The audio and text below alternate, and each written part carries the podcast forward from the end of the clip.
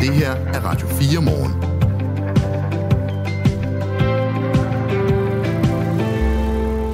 Da energikrisen ramte sidste år, der valgte mange danskere selv at indføre tiltag for at klare vinteren. Vi sad under tæpperne og frøs. Mm. Og vi vaskede om natten. Og vi vasker om natten? Det gør jeg faktisk stadigvæk. Nå, okay. Ja. Bor du ikke i lejlighed? Jo.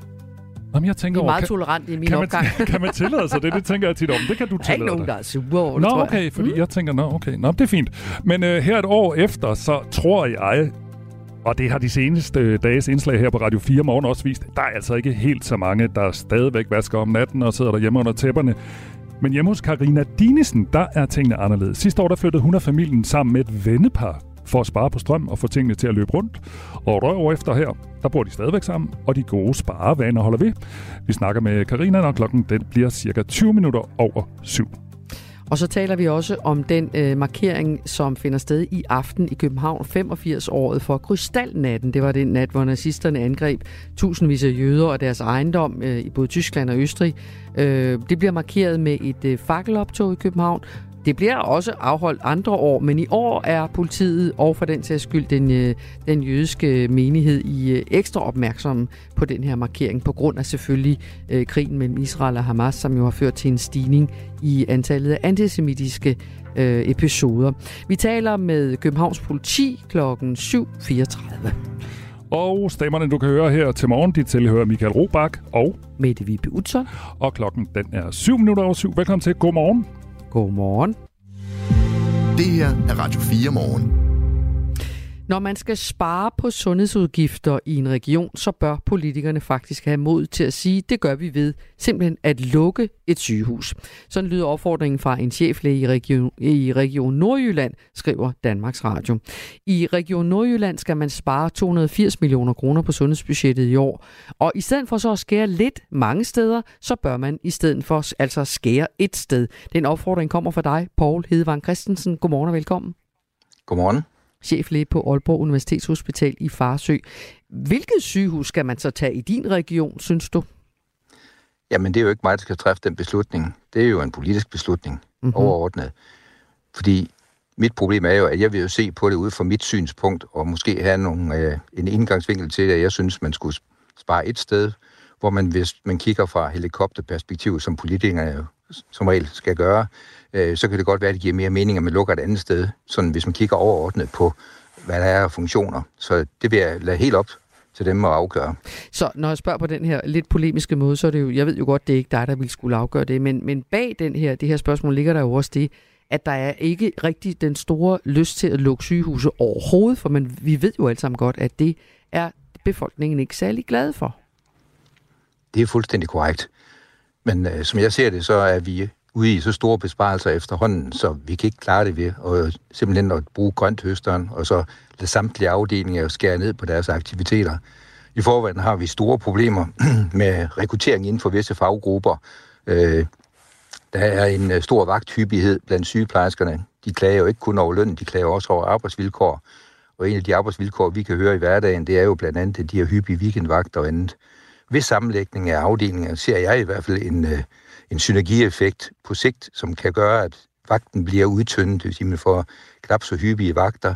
Rekrutteringspotentiale bliver måske større, fordi man kan rekruttere til nogle færre sygehus, men til gengæld nogle afdelinger, som så øh, forhåbentlig bliver velfungerende. Så sammenlægningen i sig selv, tror jeg, kan give en øh, besparelse Men jeg, og en effektivisering. Men på den anden side, afdelingen skal jo flytte et eller andet sted fra. Og jeg synes jo, at politikere, de kunne hjælpe os ved for eksempel at sige, ved du hvad, nu flytter vi en hel masse afdelinger sammen, og det gør så, at vi faktisk kan rømme et sygehus, hvis det skal være. Og så vil de imødekomme os, kan man sige. Det giver selvfølgelig ikke den besparelse, vi skal bruge fuldt ud ved at nej, lukke sygehuset. Opgaverne er, opgaverne er vel de samme, vil jeg også sige, ikke? Jo, men vi skal jo tænke på, at vi har et produktionsapparat, vi måske kunne udnytte lidt bedre. Vi har sygehuse, hvor operationsstuerne for eksempel øh, står tomme efter klokken 15 indtil klokken 8 næste morgen. Hvorfor ikke begynde at tænke lidt anderledes og sige, kan vi køre toholdsdrift nogle steder for eksempel, ikke? og så sammenlægge funktionerne, uden at det går ud over aktivitet eller patientbehandling eller kvalitet, men giver den her synergieffekt, som gør, at man måske bedre kan rekruttere, man kan lave forskning, der er færre vagter til, til de personaler, der skal have vagter. Det vil sige, at man kan bruge personalet i dagstid, i stedet for at bruge øh, en masse personale til at passe nogle vagter. Nu kan vi måske lige fortælle lytterne, at der er jo 12 sygehuse i der, hvor du kommer fra, ikke i Region Nordjylland, og alle afdelinger på alle sygehuse er blevet bedt om at finde besparelser på 4 procent. Øh, per Larsen er regionsrådsmedlem for konservativ. Han siger, at det er ikke muligt at lukke et af de 12 nordjyske sygehuse, fordi, siger han til DR, at man med den nordjyske sygehusstruktur ikke har mulighed for at lukke sygehus ned og så håndtere opgaverne på andre matrikler, fordi der ikke er kapacitet til det. Hvad siger du til det argument? Jamen, der er jeg så ikke helt enig, fordi det, man lige skal tænke på, det er, at hvis man lukker en, øh, et sygehus et sted, så har du også en stor personalegruppe, du flytter rundt på. Og netop den der synergieffekt ved, at man måske øh, udnytter ambulatoriefunktioner og operationsstuer øh, bedre, måske fra 8 til 22 eller 8 til 21 i stedet for fra 8 til 15, gør jo, at øh, du ikke skal bruge helt det samme antal personaler. Øh, så jeg er, ikke, jeg er ikke helt enig. Man skal helt tænke på, at det, det sted, man lukker, der er jo en stor personalegruppe, som man kan tage med hen et andet sted. Og vi ved jo alle sammen godt, at det, der koster mest personale, det er de fire første senge på en sengeafdeling, for eksempel. Mm. Når du lægger flere patienter ind, så skal du ikke bruge tilsvarende dobbelt så meget personale osv. hele tiden. Men men jeg kan jo godt forstå dit, øh, dit, øh, dit forslag, øh, fordi du ligesom siger, så altså, i stedet for at lave sådan en rundbarbering af alle, altså at komme ned på et niveau, hvor I ikke synes, det er forsvarligt længere alle steder, så vil man ligesom sige, nu lukker vi et sted. Men omvendt, der er jo blevet lukket vanvittigt mange hospitaler i Danmark de sidste 25 år måske. Og hver gang så taler man jo også om, at det går ud over det her med, uh, med sammenhængskraften, det går ud over de mennesker, som bor i de tyndt befolkede områder. Der bliver længere og længere til et, et hospital. Det skal vel også på en eller anden måde med på den vægt, som skal veje for, hvordan man gør det her? Jamen selvfølgelig skal den det. Øh, fordi man skal da også tænke på udkantsområderne i Danmark, som er lidt øh, tyndere befolket osv. Men øh, vi kan også vente på, så kan vi sige, prøv at se på Norge. Øh, på et tidspunkt tror jeg, jeg læste, at den norske øh, borger havde i gennemsnit 270 km til nærmeste sygehus. Når vi ser på deres overlevelseskurve for hjertepatienter og kræftpatienter og alt muligt andet, så er den mindst lige så god, som den er i øh, Danmark. Så, så det tyder i hvert fald på, at det ikke nødvendigvis er afstanden, der er afgørende. Det er måske lige så meget det mentale, man skal have vendt lidt rundt. Jeg talte også med en kineser på et tidspunkt, som sagde, jamen vi har et hospital for hver 5 millioner indbyggere. Så han spurgte, hvor ligger jeres hospital henne, da han fik at vide, at der var godt 5 millioner indbyggere i Danmark, ikke? Det er også lidt sigende. Mm, mm. Så, så vi har vendt os til, at vi har vendt os af med, det kan man sige, at have små lokale sygehus. Men det du siger, det er, at vi skal, vi skal vende os til at have endnu færre, og på den måde spare penge. Politikerne skal have modet, siger du også, til at lukke et, et, øh, et sygehus. Men hvorfor opfordrer du dem i grunden ikke til at finde flere penge i sundhedsbudgettet? Jamen, det vil jeg da også meget, meget hellere have. Fordi det vil da være meget nemmere at sige, at vi har den samme gode service til alle borgere, uanset hvor de bor hen i regionen. Men det er jo bare ikke det, vi hører landspolitisk, at, at man er villig til. De poster godt nok mange penge i os i øjeblikket, men det man også skal tænke på, det er, at inflationen har jo gjort, at alle de penge, de poster i øjeblikket, de faktisk går til at betale den ekstra regning, der har været på grund af det alene. Så sundhedsvæsenet, som jeg ser det, har ikke fået tilført voldsomt mange penge på det seneste. Her til sidst vil jeg lige måske spørge dig, Paul Hedvang Christensen, cheflæge på Aalborg Universitetshospital i Farsø, altså i Nordjylland. Er der opbakning blandt dine kolleger til det her, tror du? Det er der. Jeg vil sige, jeg har fået så mange henvendelser i går fra ledende psykiater på Sjælland til en uh, ledende overlæge i mavetarmkirurgi i, i, uh, på Sydfyn, og fra Sønderjylland har jeg fået tilkendegivelser fra kolleger, som synes, at det er, det er flot, at jeg tør at tage den her op, fordi det er den eneste vej frem, synes de også. Mm-hmm. Så det tror jeg absolut, der er blandt kollegerne. Det bliver spændende at følge også, hvordan, øh, hvordan de politiske reaktioner bliver på dit forslag, Poul Hedvang Christensen. Ja. Tak fordi du lige ville uddybe det her. Det var så lidt. Cheflæge på Aalborg Universitetshospital Farsø øh, i Nordjylland er det jo altså. Du lytter til Radio 4. Måske fordi du ikke allerede har bestemt dig for, hvad du mener om alting. Radio 4. Ikke så forudsigeligt. Vi har her på Radio 4 de sidste dage sat fokus, øh, fokus på vores forbrug af el og varme, og indtryk er sådan rimelig klart langt de, færre, øh, langt de færreste danskere øh, sparer lige så meget som øh, sidste øh, år, altså hvor vi sad og øh, frøs alle mulige steder. Men i Følge Energistyrelsen, så bør vi stadig spare på energien. I et skriftligt svar til Radio 4 Morgen, der siger Martin Hansen, der er vicedirektør i Energistyrelsen. Han siger sådan her. Vinterens forsyningsscenarie ser mere stabilt ud end sidste år på denne tid. Selvom gaslagerne næsten er fyldte, og vi fortsat ser besparelser på energiforbruget, kan en kold vinter stop for import af russisk gas eller stigende forbrug af naturgas i Asien påvirke forsyningssituationen. Og derfor, nu kommer det vigtige, og derfor er det væsentligt, at vi både i Danmark og resten af Europa sparer på energien. Og der er danskere, der har lyttet til den slags opfordringer. En af dem, som virkelig har holdt fast i sidste års vaner, det er Karina Dinesen, der er førtidspensionist. Godmorgen. Godmorgen. I flyttede, I flyttede sammen med jeres venner sidste år midt i energikrisen for at spare. Prøv lige at fortælle, hvad, hvad det gik ud på. Jamen, det gik ud på, at øh, vi sad med et lejet hus og havde ikke rigtig råd til at få tingene til at hænge sammen. Og øh, de øh, har en, øh, en, en gammel gård, som også var svær med varme og el og så videre. Og så har vi gået og joket nogle år med, om det ikke kunne være fedt at flytte sammen, og så tænkte vi på, nu gør vi det. Og så flyttede vi herud øh, og bor nu sammen. Mm. sammen. Øh, hvad kom det så til at betyde for jeres økonomi? Altså fik I råd til ting, I ikke tidligere har haft råd til, eller hvad kom det til at betyde? Jamen, det der kom helt klart kom til at betyde, at, øh, at vi ikke er blevet, altså at de ikke skulle flytte fra hus og hjem, altså at huset er gået på tvang, ikke? Mm. Øhm, og det er også øh, betydet, at, øh, jamen, at man har råd til de der øh, Jyllandsture, eller hvad hedder det, at vi at tage på ferie sådan og kan komme i parker øh, med alle ungerne og sådan noget. Øh, er det, er det, så. Har det kun været et spørgsmål om økonomi, eller er der også sådan en eller anden slags, med et, et, et lidt slidt ord, er der også en slags samfundssind i det? Ja, altså til at starte med var det nok økonomi. Øh, men altså, det er ikke noget, vi vil gøre om eller gøre noget ved nu. Øh, vi er meget glade for at bo sammen. Mm. Og det er jo også en måde at spare penge på. Det er jo meget fornuftigt. Nu er der så gået et år, og I bor stadigvæk sammen, som du siger. Hvad er fremtidshorisonten for, og, øh, for jeres boligsituation? Ej, det er, at vi bliver boende. Mm. det, øh, jeg, jeg kunne faktisk slet ikke se, at jeg skulle bo nogen andre steder. Nej. Øh, og jeg tror faktisk også, det vil være svært for børnene, hvis vi går ind og siger, nu, nu skiller vi dem mad igen. Øh, vi, har jo, vi har jo to små, som øh, som virkelig nyder det der med at have to mor og to far, ikke? Mm. Øh, så, så, så det kunne jeg ikke finde ud af. Altså, det kunne jeg ikke finde på at gøre om. Vi taler med Karina Dinesen, som øh, sidste vinter flyttede, øh, Karina øh, Dinesen og hendes mand sidste vinter flyttede sammen med et vennepar. Øh, og jeg ved, I er stadigvæk spare på øh, energien. Hvilke tiltag har I stadigvæk, øh, eller bruger I stadigvæk, eller gør I stadigvæk, øh, som I også gjorde sidste år? Jamen, vi har faktisk, øh, altså, øh, vi bruger rigtig meget energi på, altså sådan vores energi på at lære børnene at slukke lyset, når man går ud af et rum. Og øh, slukke computeren, når man ikke bruger den. Og øh, jeg laver mad, når jeg går hjemme i løbet af dagen, så laver jeg mad, sådan så at der er... Så gerne. At det kun måske lige skal varmes op.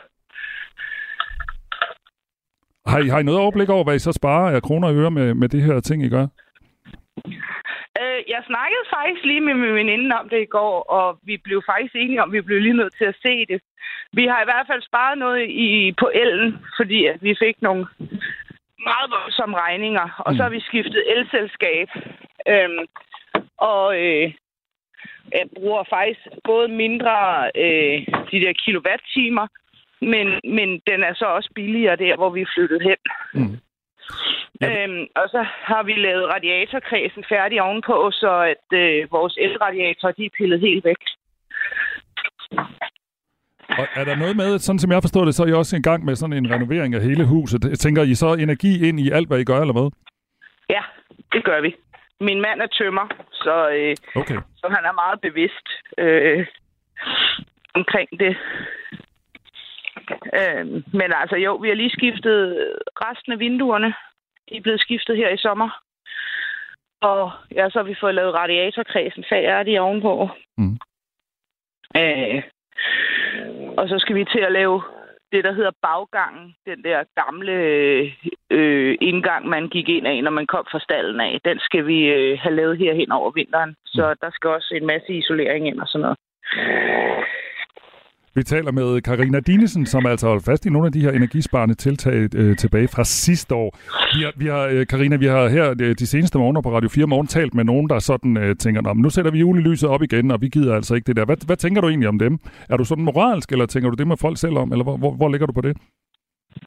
Altså, det, det er jo stadigvæk folks egen sag. Øh, vi hænger ikke julelys op i år. Øh, og det er jo både, fordi vi er midt i renoveringen, men og så er vi ikke helt på plads med, hvor vi vil have det henne, må jeg nok erkende. Okay. Øh, og altså, jeg tror måske, at vores isbjørn kommer op. Altså, vi har sådan tre isbjørn, der står ude i haven. Med lys i? Bruger de strøm? Ja. Okay, så der... Mm, nej, de bruger faktisk solenergi. Okay. Øh, der er solceller i. Men på den anden side, så har vi også ni hunde, der går og tisser på dem. Nå, okay. ja, der er jo mange hensyn at tage. Synes du egentlig, der er flere, der bør holde fast i spareøvelserne, øh, som, øh, som, som der var rigtig mange, der gjorde sidste år? Det synes jeg da. Altså, vi klarede os igennem sidste år, uden at dø af kulde og uden at, øh, at blive helt blege uden øh, dag, eller hvad hedder det, lys i huset. Så måske øh, ville det være meget smart. Øh, altså, jeg tænker i hvert fald, at vi fortsætter øh, både økonomisk, men også øh, klimamæssigt er det jo også rart at kunne spare Mm. og, og hjælpe vores jord lidt endnu. Tak fordi du vil fortælle, øh, hvad I har gjort, øh, Karina Dinesen. Jamen selv tak, og så må I have en god morgen. Ja, i lige måde. Du lytter til Radio 4 morgen. Skal vi ikke lige uh, sige, uh, Mette, at vi altså er ganske klart og udmærket klar over, at der var en kæmpe dramatisk fodboldkamp i går. FCK vandt 4-3 over Manchester United, og der var straffespark, og uh, FCK var bagud, eller FCK København var bagud 2-0, og masser af drama, der var rødt kort og sådan noget. Og vi ved det godt. Vi kæmper uh, her til morgen, eller vores kolleger, der sidder ude på redaktionen, kæmper her til morgen på at finde nogle gode kilder på den historie. Så hvis nogen tænker, skal de slet ikke snakke fodbold, så er vi fuld sving med at lave noget, og øh, vi, du kan da skrive til os på 1424, hvis øh, du er FCK-fan, og der findes også en del danske Manchester United-fans. Hvis du er en af dem, så skriv til os, hvordan du oplevede den her kamp. Men vi er på sagen, og klokken den er 8 minutter i halv 8. Det her er Radio 4 morgen. Og nu ser det ud til, at der efter flere måneders strække er kommet en afgørelse, at Hollywood-skuespillernes strække er overstået. Den her strække den blev indledt, da skuespillerne, som er medlem af fagforeningen, bad om en højere minimumsløn, en andel af overskuddet fra de her streamingtjenester, og også, ud over det, beskyttelse mod at blive erstattet af det, de kalder digitale kopier, som altså er genereret af kunstig intelligens. Nu har skuespillernes fagforening indgået en forløbig aftale med Hollywoods filmstudier. Det oplyser fagforeningen natten til torsdag dansk tid. Godmorgen, Kasper Christensen. Godmorgen. filmanmelder og manden bag filmsitet og podcasten Filmnørdens Hjørne. Jeg forstår, at den ikke er endeligt underskrevet endnu, den her aftale, men hvad går den ud på?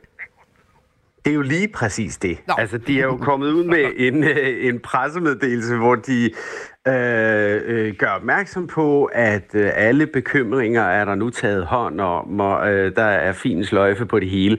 Men, men hvad det specifikt betyder, det må vi stadigvæk vente en lille stund på at få lov at dykke ned i, fordi de har sådan en proces, de ligesom skal igennem. Først så skal den, øh, skal vi sige, øh, fagforeningens nationale bestyrelse skal have lov at ligesom grænske den her aftale og godkende den, øh, og så bliver den offentliggjort, men så skal den så også ud til medlemmerne til afstemning, øh, men det virker til mere at være en formsag end, end noget andet. Mm-hmm.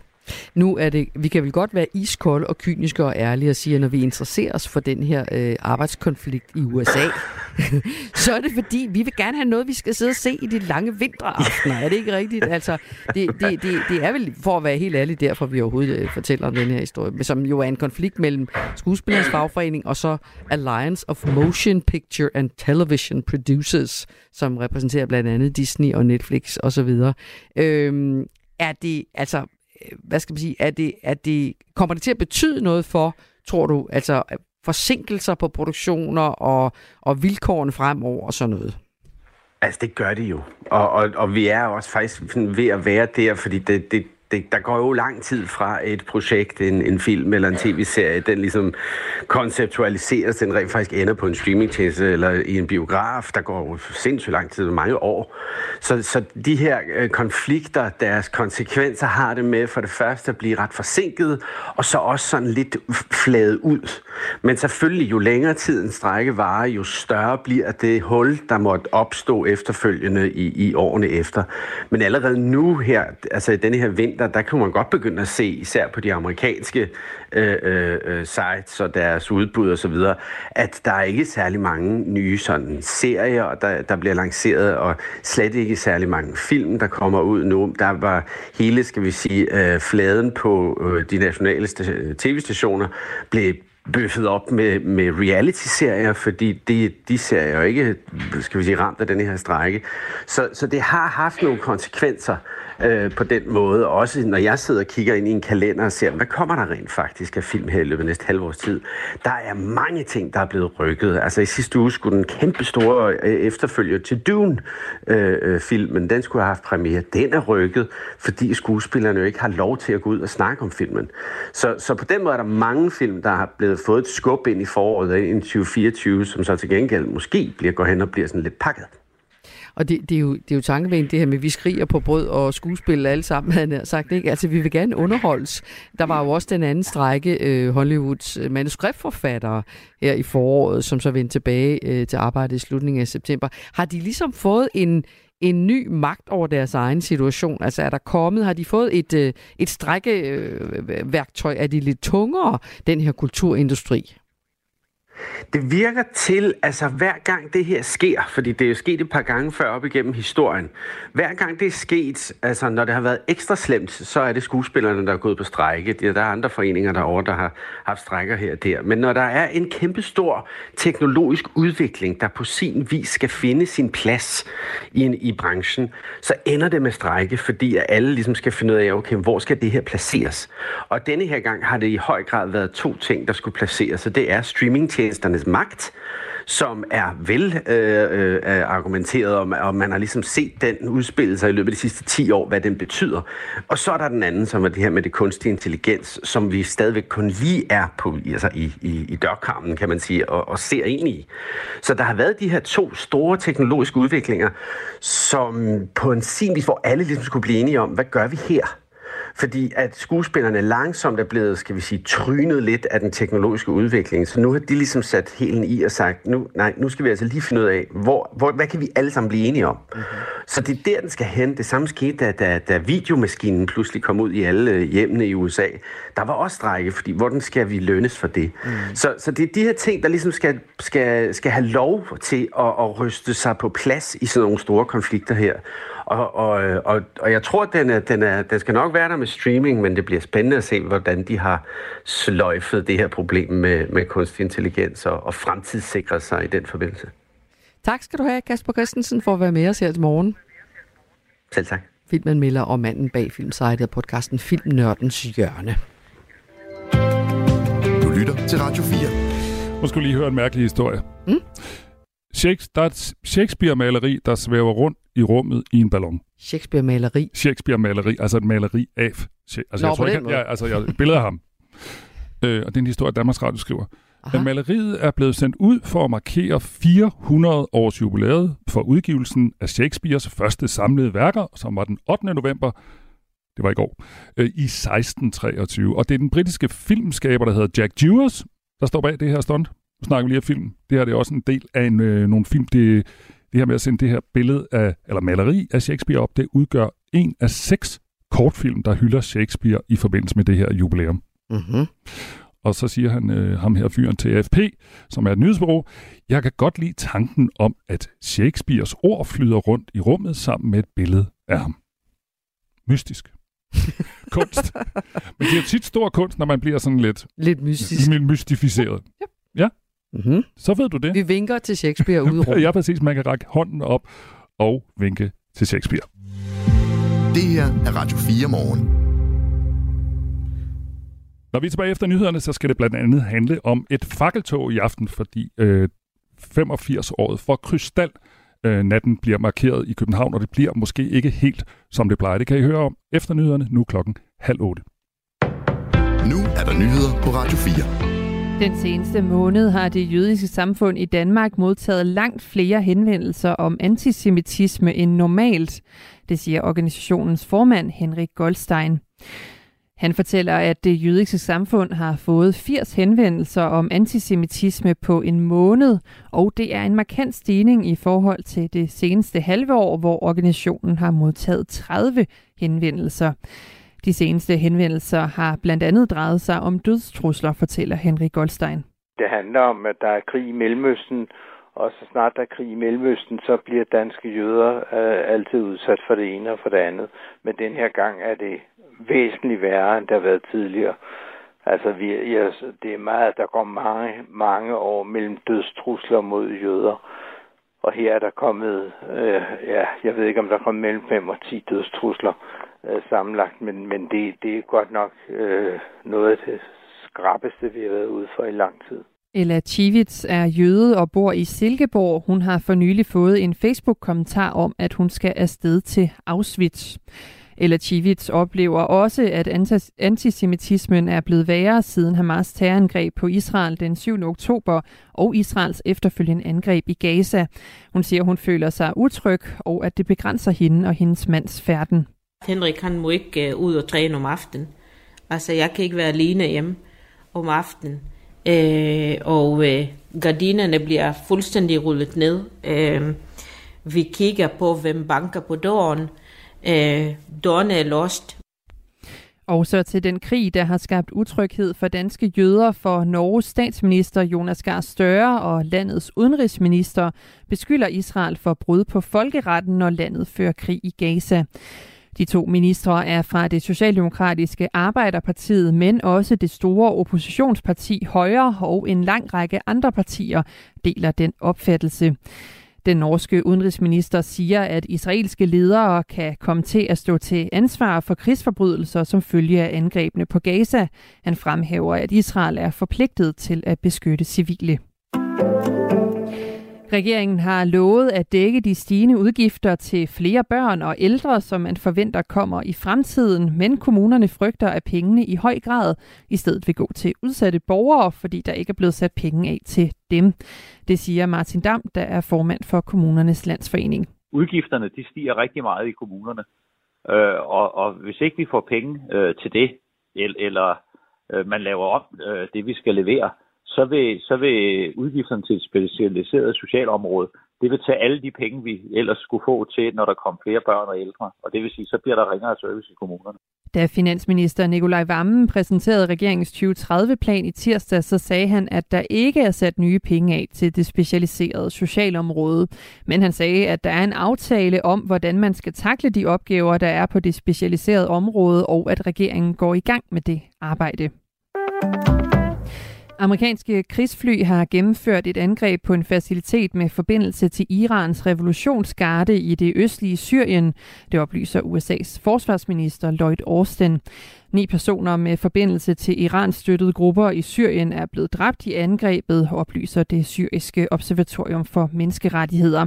Iran støtter en række grupper, som USA beskylder for en kraftig stigning i angreb på amerikanske styrker i Mellemøsten. Over de østlige egne bliver det skyet med regn. De vestlige egne af landet får i morgentimerne lokalt diset vejr eller togbanker, mens resten af landet får enkelte byer og mulighed for lidt eller nogen sol. Temperatur mellem 6 og 10 grader. Det var nyhederne her på Radio 4 med Anne Sofie Felt. Det her er Radio 4 morgen. Husk, at du kan sende os en sms på 1424. Som det er sket øh, ofte før, så bliver 85-året, ej det er jo ikke ofte før, men en gang om året, så har man det med at markere, øh, at øh, krystalnatten, øh, i år er det 85 år siden krystalnatten, hvor nazisterne jo angreb tusindvis af jøder og deres ejendom i Tyskland, øh, øh, det bliver markeret med et fakkeloptog. Man kan måske sige, at når, når det hed krystalnatten, og hvorfor det er vigtigt det her med ejendom, så er det fordi, det her navn, det er opstået fra alt det glas, der lå rundt omkring i øh, de tyske gader, efter at ruder var blevet smadret i jødiske forretninger. Og det her fakkeltog, det bliver afholdt hvert år, men i år er politiet ekstra opmærksom på markeringen, på grund af selvfølgelig krigen mellem Israel og Hamas, som jo altså har ført til en stigning i antallet af antisemitiske øh, episoder. Godmorgen, Peter Dahl. Ja, godmorgen. Du er ledende politiinspektør i Københavns Politi. Det må være en særlig aften, som I har særlig fokus på, tænker jeg, øh, også i Københavns Politi. Hvordan, hvordan øh, adskiller den her markering sig fra de forrige år for jeres vedkommende? Altså, når vi har arrangementer i Københavns politikreds, og dem har vi jo rigtig mange af, lige fra gadefester og præsidentbesøg med videre, så tager vi jo selvfølgelig altid udgangspunkt i, hvad er den konkrete situation, og hvad er det ligesom øh, for et arrangement, vi står overfor. Og som du også selv nævnte, så har det her krystalnats arrangement været gennemført ja, mange, mange gange før mm-hmm. i Københavns politi, yeah. i, i politikredser, vel også gået noget under radaren. Men det er jo klart med den øh, spænding, der er i Mellemøsten, øh, og også med den spænding, der jo er i flere danske byer, og også her i København i forhold til, der har været både for og imod demonstrationer, så har vi selvfølgelig en ekstra særlig opmærksomhed på det arrangement i aften. Mm. Så selvom i virkeligheden så handler Krystalnatten om noget, der foregik for, som sagt, over 80 år siden, så spiller, så spiller det på en eller anden måde naturligvis ind i den politiske situation lige nu. Ja, det må man sige. Jeg, jeg, nu er jeg ikke stor historiker, men jeg tror faktisk, at det, det spænder meget længere tilbage, de konflikter, der er lige i øjeblikket. Mm, ja. Men, men, øh, men normalt, når der er, når der er fakkeltog øh, i forbindelse med krystalnatten, så, øh, så er det noget, I er opmærksom på, men du, som du siger, det går måske lidt mere, mere under radaren. Hvor, hvor, hvor, hvor meget, jeg ved godt, politiet fortæller ikke, så er vi to mand stående der, så er vi fire herovre på hjørnet, vel? Men hvor meget skal I opskalere for at tage højde for, hvis nu der, øh, Gud forbyde, alle skuder forbyde, at der bliver en eller anden form for uro i aften? Ja, men man vil jo kunne se, at hvis man øh, ser optog, så vil man tydeligt kunne se, at vi er mere markant til stede, end vi normalt vil være til, til sådan et arrangement her. Der vil være synligt politi både på den øh, rute, man skal gå, men der vil også være øh, synligt politi, som følger med det her fakkeloptog for at sikre, at det kommer til at foregå i, i god orden og med den værdighed, som et, øh, et fakkeloptog jo skal være. Mm. Der er vel også en eller anden magisk grænse for jer. Er der ikke det, Peter Dahl? Altså det her med, på den ene side, så skal I være synlige, og man skal være tryg, hvis, når man går med sin fakkel. På den anden side, så skal man også passe på ikke at opskalere politimæssigt alt for meget, fordi det kan komme til at ligne sådan en, øh, et, et, et, et land, vi normalt ikke rigtig øh, forbinder vores, os med i forhold til jeres tilstedeværelse. Ja, men jeg synes faktisk, det er jo en af de ting, som, hvis vi skal klappe os selv lidt på skuldrene, og, og det har vi brug for i gang imellem i politiet, så er det faktisk noget af det, vi er rigtig gode til. Det er netop at balancere den her del. Vi, vores udgangspunkt er jo altid øh, dialog øh, i forbindelse med manifestationer, demonstrationer eller fakkeloptog. Og derfor vil det heller ikke være kampklædt politi, man kommer til at se i gaderne. Man kommer forhåbentlig til at se nogle politifolk øh, øh, smilende øh, og en ganske almindelig uniform, og, og det er det, man kommer til at se. Og så er det jo klart, at øh, hvis tingene skulle udvikle sig, der har vi nogle andre kompetencer og nogle andre uniformer øh, øh, gemt lidt væk. Mm. Hvorfor tænker I egentlig, Peter Dahl, på, hvordan sådan politiet fremstår sådan en aften? Fordi det er rigtig vigtigt. Øh, det er ikke kun i den her situation, vi har nu. Det er altid vigtigt, at politiet som udgangspunkt fremstår venlige og imødekommende. Øh, hvis man prøver at kigge på, hvordan det går med nogle af de demonstrationer, man har set i anledning af det her rundt omkring i Europa, øh, så foregår det jo på en, et, et helt andet niveau øh, og med, med en betydeligt større voldelighed, end det indtil nu har, har foregået i Danmark og, og, og her hos os i København. Mm. Og det tror jeg langt hen ad vejen skyldes, at vi faktisk har en rigtig god dialog øh, med de mennesker, som øh, arrangerer de her ting de er heller ikke interesseret i, at der skal være uro og ballade. Øh, I hvert fald er det vel sådan, mange af dem har. Men man kunne jo godt tænke den tanke, at i aften ville være en aften, hvor det ville være sværere at opretholde den der balance. Altså, er der meldt om øh, moddemonstrationer eller andet i den her forbindelse med fakkeltoget? Nu er det meget dynamisk med, med, hvad der kommer ind af anmeldelser og demonstrationer, men altså en direkte moddemonstration i forhold til fakkeloptoget, det har jeg ikke øh, konstateret, at vi har modtaget. Men der er forskellige demonstrationer rundt omkring i, i, i København i aften. Men det har der i øvrigt været nærmest hver eneste aften siden øh, spændingerne de øh, tog til i Mellemøsten. Kan I egentlig, hvis der er nogen, der anmelder sådan en moddemonstration, kan I så bare øh, rumme det, eller kan I sige, ja, god idé, men det skal altså være meget, meget læng, øh, langt væk fra den anden demonstration? Det vil altid være en konkret vurdering. Udgangspunktet er jo, at enhver har lov til at ytre sig, men vi er selvfølgelig også nødt til at sikre sig, at øh, de forskellige parter de øh, også har mulighed for at gennemføre deres arrangementer i, i god orden med den værdighed, som, som der nu skal være til. Så det vil være en, en beslutning på dagen øh, og på stedet, hvis der pludselig dukker en moddemonstration op i forhold til, hvis det nu for eksempel er en fuldstændig øh, rolig øh, modmanifestation, der bare vil stå helt stille og eksempelvis vise et skilt, så er der jo ingen problemer i, at øh, de står ganske tæt på den rute, der bliver gået, hvorimod hvis man man råber og skriger og kaster med flasker, så er det jo en anden situation, vi har. Så det ja, for... vil altid være en afvejning. Ja, for jeg tænker nemlig, Peter Dahl, på den ene side, så er der nogen, der får behov for at minde om de dræbte børn i Gaza, sikkert en aften som i aften, og sammenligne. Og alt det her, som vi jo har været i gang med at diskutere nu, en ophedet diskussion med masser af følelser den sidste måneds tid. Vil du sige, at I har nul tolerance i aften? Ja, vi har altid en høj tolerance, og, og det er jo også vigtigt for os, at øh, enhver har jo lov til at ytre sig. Så hvis man på en eller anden måde ønsker at ytre sig imod øh, det fakkeloptog, men at det kan foregå på en måde, så man kan være der, og vil sige alle sammen, så er det jo vores opgave at sikre, at det også kan lade sig gøre. God arbejdsløst, Peter Dahl, til dig og dine kolleger i aften, og lad os krydse fingre for, at alt går stille og fredeligt og, øh, og værdigt for alle parter. Det gør vi. Tak skal du have. Tak skal du have. Ledende politiinspektør i Københavns Politi. Så kan vi sige godmorgen til Michael øh, Raklin. Godmorgen. Godmorgen. Du er kommunikationsansvarlig i det jødiske samfund, der står bag det her fakkeloptog øh, i år. Nu hørte du lidt med på øh, øh, noget af det, som øh, Peter Dahl fra Københavns Politi sagde her. Er du helt rolig ved at deltage eller ved at være medarrangør på det her fakkeloptog? Altså personligt er jeg helt rolig. Nu kan man jo altid sige, at der er forskel på, hvordan folk reagerer i sådan situationer. Nogen bliver hurtigt rolige, nogen bliver meget vrede, og nogen øh, gør en masse ting. Jeg hører måske nok til den sidste kategori, der har lavet en masse ting øh, den sidste måned. Men jeg vil også gerne lige tilføje til, til det, Peter Dahl har sagt, at vi har siden 7. oktober haft tre arrangementer på gadeplan, øh, som det jødiske samfund enten har, har arrangeret eller været øh, medarrangør af og to på Kongens Nytorv i Frihedsrejs plads, og de er forløbet i god orden. Og også lige præcis som man sagde, med en fornemmelse af, at vi ikke var pakket ind i politi. Politiet er altså blevet rigtig, rigtig dygtige til at passe godt på os. Det gjorde i mange år, men også gør det, i hvert fald i de her situationer, på en måde, så man ikke føler, at man går i en krigszone, fordi det skulle vi jo helst ikke gøre i Danmark. Mm. I opfordrer til, at folk øh, kommer uden flag og øh, uden kampråb, altså ikke råber noget af nogen slags, altså sådan en kampråb. Hvorfor egentlig det? Jamen, det er jo fordi, vi er i en periode, hvor, hvor, hvor tingene er ekstremt polariseret, og debatten er øh, enormt øh, polariseret. Der er måske, øh, hvis man skal sige det lidt groft, råbe konkurrence i visse miljøer om at råbe så højt og yderliggående som, som muligt. Så, så, så hvilket som helst symbol ville kunne tage sig indtægt for den polarisering, der er, og det har vi ikke haft en interesse i. Vi har haft en interesse i at skabe så bredt et arrangement som muligt, som handler om det, vi synes er kernen, nemlig krystalnatten som indledning på holocaust, folkedrabet på 6 millioner jøder. Og øh, det, det har vi fra starten men klart ud, at det, det mener vi gør, man gør, vi gør bedst ved, at folk kan gå ind på vores hjemmeside, se hvad grundlaget er. Det er et meget bredt grundlag, men altså det der grundlag, der fokuserer på krystalnatten som en antisemitisk begivenhed, og selv drager de konklusioner i forhold til den aktuelle politiske situation, man har lyst til. Det kommer vi til at gøre.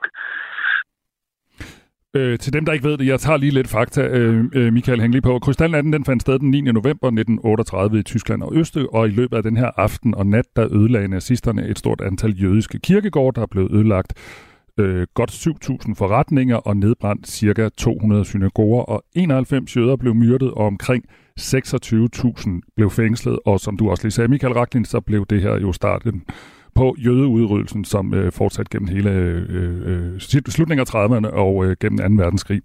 Det, der hedder initiativet Krystalnat, Initiativet har siden midten af 90'erne arrangeret øh, arrangementer og optog i forbindelse med årsdagen for Krystalnatten. Men i år har de så øh, set sig nødsaget til at aflyse på grund af krigen mellem Israel og Hamas, og, det, og I har så valgt at holde jeres fakkel øh, optog. Hvordan kan det egentlig være? Ja, det må du næsten spørge uh, dem om. Altså, det, er, det er et arrangement, vi tidligere har støttet. Vi har hverken bedt dem om at, at holde noget, eller lade være med at holde noget i år. Vi har bare med klart ud, at vi vil holde noget, fordi at vi gerne vil have noget, der, der fagner meget, meget bredt politisk. Uh, som det er nu, så vidt jeg har forstået til vores arrangement i aften, så har vi fået tilsavn om deltagelse, altså bare som almindelig deltager, men ikke som taler fra både Pelle Dragsted fra Enhedslisten og Pernille Vermund fra Nye Borgerlige. Og øh, det, er, det, det er et meget bredt politisk arrangement. Det var det, det andet arrangement, der var på, på Krystallerne, havde nok, et, hvis jeg siger det pænt, et lidt mere snævert politisk sigte. Mm. Jeg taler med Michael Raklin, der er kommunikationsansvarlig i det jødiske samfund i Danmark, og som altså står bag det her optog i år. Det er jo en markering af 85-året for krystalnatten, men det er jo umuligt ikke at tænke på den nuværende situation i Israel og Gaza. Ved terrorangrebet i Israel, der mistede 1400 livet, og 240 blev taget som gisler, og i Gaza er der op mod 10.000 dræbte. Hvordan kommer den aktuelle situation til at spille ind på arrangementet? Jamen altså, vi, vi har ikke nogen budskaber om konflikten mellem Israel og Hamas i, øh, i, i det her fakkeltog. Men det er klart, at vi var ude i går og lægge nogle tal frem for, hvor mange antisemitiske hændelser, der har været i Danmark i kølvandet på det her. Og jeg snakker om rigtige antisemitiske øh, øh, episoder. Ikke folk, der prøver at kritisere Israel øh, på den ene eller den anden måde. Det er hagekors, det er trusler, det er, øh, det er herværk mod private hjem. Øh, så, så det er klart, vi vil gerne have lov til at snakke om krystalnatten og holocaust som antisemitiske begivenheder, øh, fordi at der er en stigning i antisemitismen lige helt aktuelt i Danmark. Og øh, så vil vi også gerne sige, hvis folk kan bruge den lære, som, som holocaust er, som en advarsel mod øh, had og udskamning, så, så, øh, så, så, skal de, så, så er det selvfølgelig en rigtig, rigtig god anledning til at gøre det, og det håber vi, vi gør, men vi kommer ikke til at proppe nogle fortolkninger, hverken det ene eller det andet, ned i, i, i halsen på folk, der, der dukker op i aften. Så, så bare lige for at skære det ud i pap, det er en jødisk markering, og ikke en israelsk markering. Er det det, du siger? Det er 100% en jødisk markering. Nu siger du, at øh, jøderne i Danmark har oplevet, øh, jeg, jeg har et tal, der hedder 24 gange så mange, indbe- eller I har fået 24 gange så mange indberetninger om antisemitisme siden 7. oktober, sammenlignet med alle andre måneder i år. Er fakkeltoget øh, også en mulighed for ligesom at gøre ekstra opmærksom på det? Jamen det er det, og netop som jeg siger, det brede politiske opbakning er, er enormt vigtigt, fordi hvis vi er en lille gruppe, som af gode grunde kan føle os en lille smule presset, så er det bare utrolig vigtigt og dejligt, at vi får at vi har en meget bred politisk opbakning. Der er jo ikke nogen, øh, i hvert fald de partier, der sidder i Folketinget, som ikke tager afstand fra antisemitisme i den her form. Øh, og øh, øh, det har vi egentlig vidst i et stykke tid, men det er jo enormt vigtigt. Det er jo også derfor, at den her situation jo ikke sammen, altså vores aktuelle situation i Danmark øh, som danske jøder ikke skal sammenlignes med de tyske jøder i øh, den 9.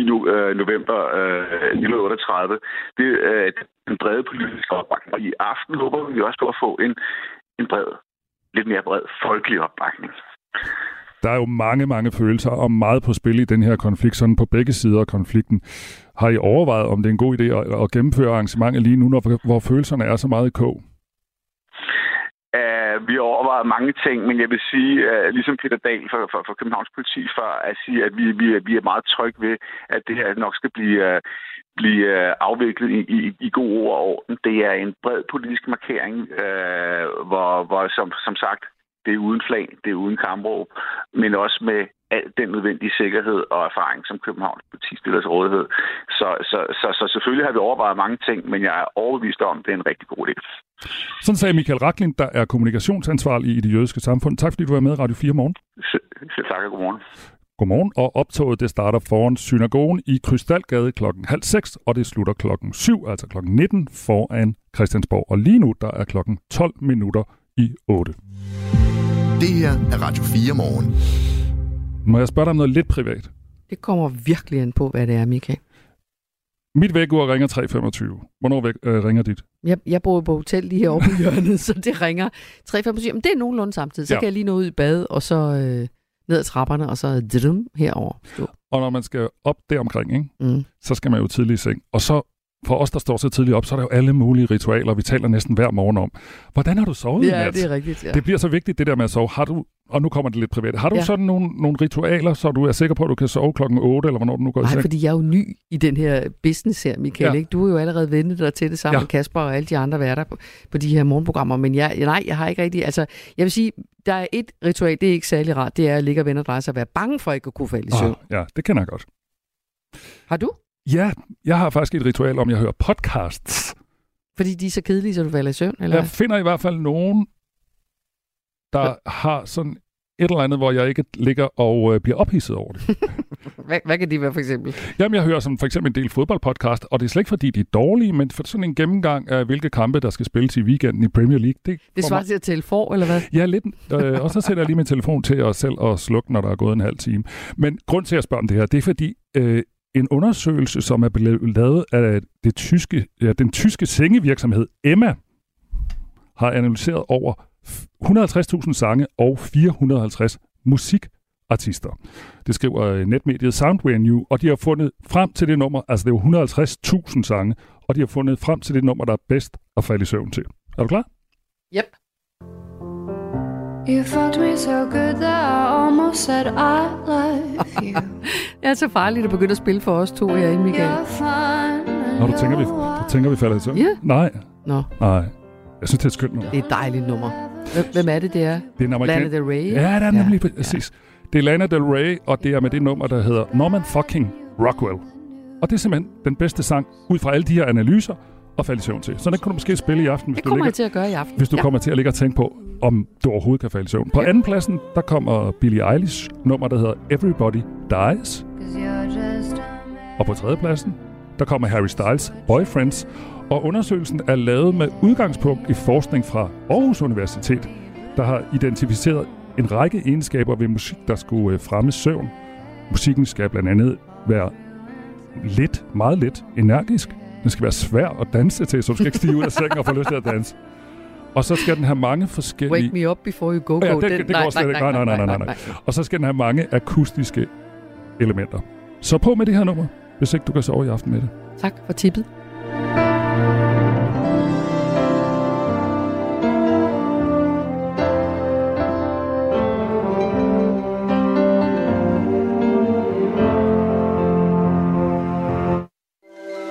Du lytter til Radio 4 morgen. Det er i hvert fald en lyd, man vågner til øh, vores, øh, vores, Jeg tænkte, hvis man var faldet i søvn Ja, i hvert fald i søvn, Ja. ja. Nå, nu skal vi øh, tale om den her forebyggelsesplan, som regeringen har tænkt sig at præsentere om ikke så lang tid. En plan, som skal forebygge antallet af unge ryger, eller i hvert fald forebygge på en eller anden måde, at det antal falder. Men nu viser et internt regeringsnotat, som Jyllandsposten er kommet i besiddelse af, at regeringen faktisk regner med, at der kommer flere rygere. I planen vil man hæve afgifterne på nikotin, nikotinposer, men ikke på cigaretter. Og det er et problem, mener du, Niels Them Kær. Godmorgen og velkommen. Godmorgen. Forebyggelseschef i kræftens bekæmpelse. Hvorfor er det et problem? Jamen, vi synes jo først og fremmest, at man skal gøre noget ved rygning. Så vi synes øh, selvfølgelig, det er fint, at de øh, vil lægge yderligere afgifter på nikotinposer, fordi det har været i stigning blandt, blandt børn og unge. Men vi Og synes, heller det ikke er sundt, vel? Det er overhovedet ikke sundt. Øh, man bliver afhængig af det og så videre. Øh, men, men, øh, men jeg synes ikke, at det er godt nok, hvis, øh, hvis planen er, at de så skal skifte fra nikotinposer til cigaretter. Altså jeg synes, hvis de skal gøre noget, så skal de også hæve afgifterne på cigaretter. Øh, Mhm. og gerne meget markant. I det her notat, som Jyllandsposten har, er kommet i besiddelse af, som det hedder på journalistsprog, der står der, at, øh, jeg citerer, en højere afgift på nikotinposer indebærer en vis substitution til cigaretter.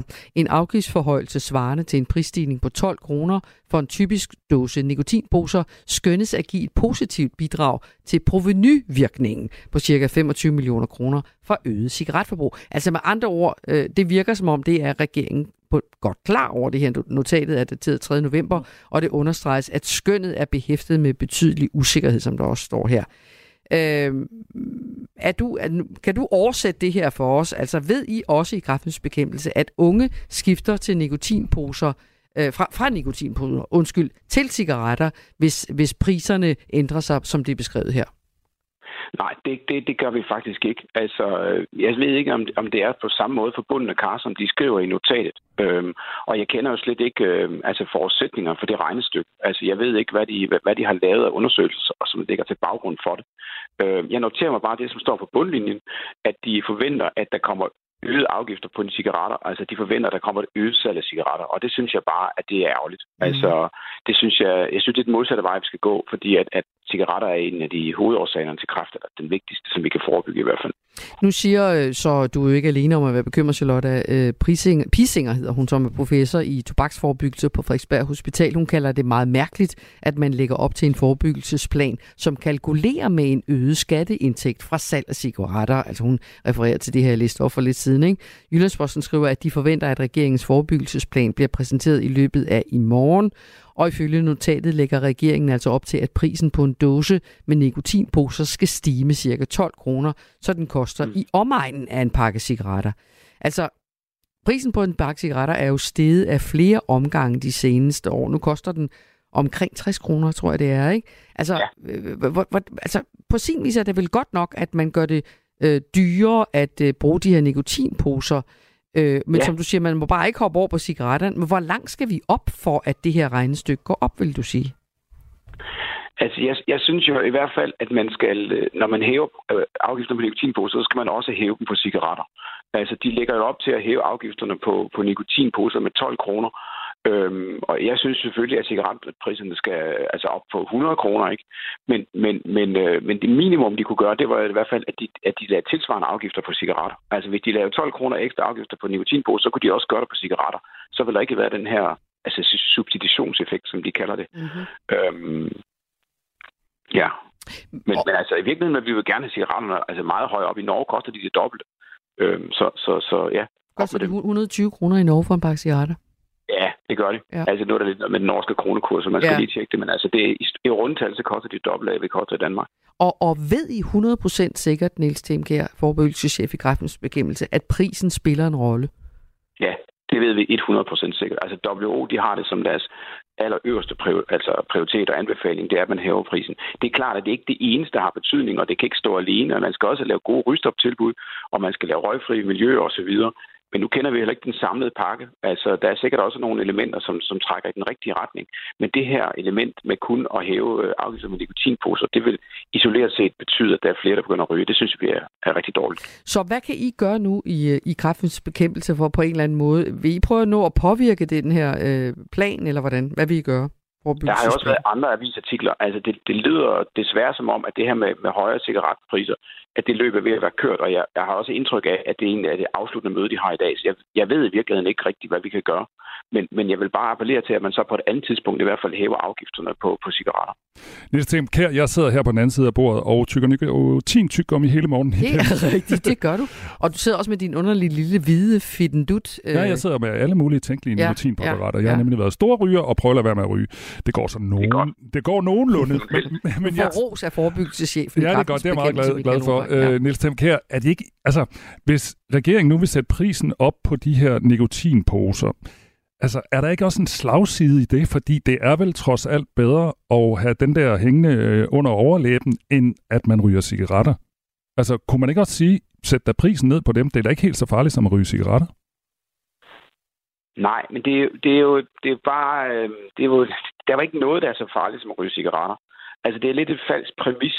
Øhm, det vi har set, det er, at vi har set en kraftig stigning i brugen af de her nye produkter blandt især børn og unge. Ikke? Mm. Og, øhm, og det er det, som man gerne vil gøre op mod, og, altså gøre noget mod. Og det kan jeg sådan set godt forstå. Altså det er nogle børn og unge, som måske aldrig var blevet ryger, som, som nu bruger de her produkter, og de har den opfattelse, at de er fuldstændig harmløse. Og det, de er hvide, og de smager godt og sådan noget. Så, så, så, så, så jeg synes egentlig, at det er alt, værd, eller alt ære værd, at man også gør en indsats for at, at, at forebygge brugen af nikotinposer. Øh, men det er jo ikke sådan, at, at hvis, man er, hvis man er tidligere storryger, at man så skal gå tilbage til cigaretter. Det vil virkelig være en dårlig idé. Mm. Jeg lytter efter, hvad du siger. Ja, jeg holder mig er ikke kræftfremkaldende, men de skaber afhængighed, og de, og de har nogle andre helbredsmæssige konsekvenser end kræft.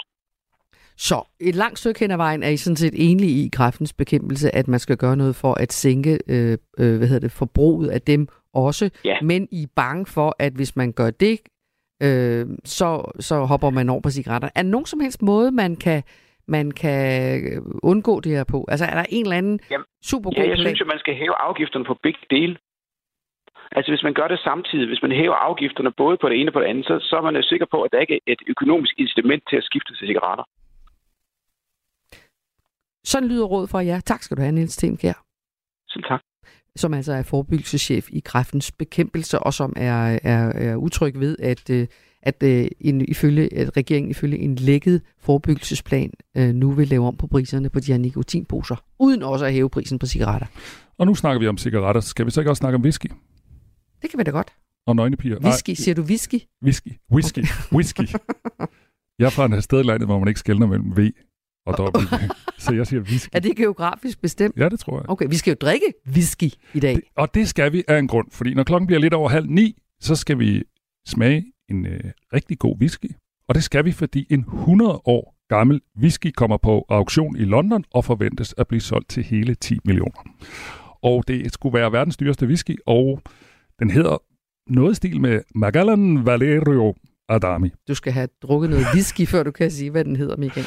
Og den er fra 1926, og vi får besøg af Silas Nørgaard, som er whisky-entusiast. Og det bliver første gang, jeg skal drikke whisky så tidligt. Whisky. På morgenen. Det bliver det også for mig, tror jeg. Nå, nu er klokken 8. du har lyttet til en podcast fra Radio 4. Find flere episoder i vores app, eller der, hvor du lytter til podcast. Radio 4. Ikke så forudsigeligt.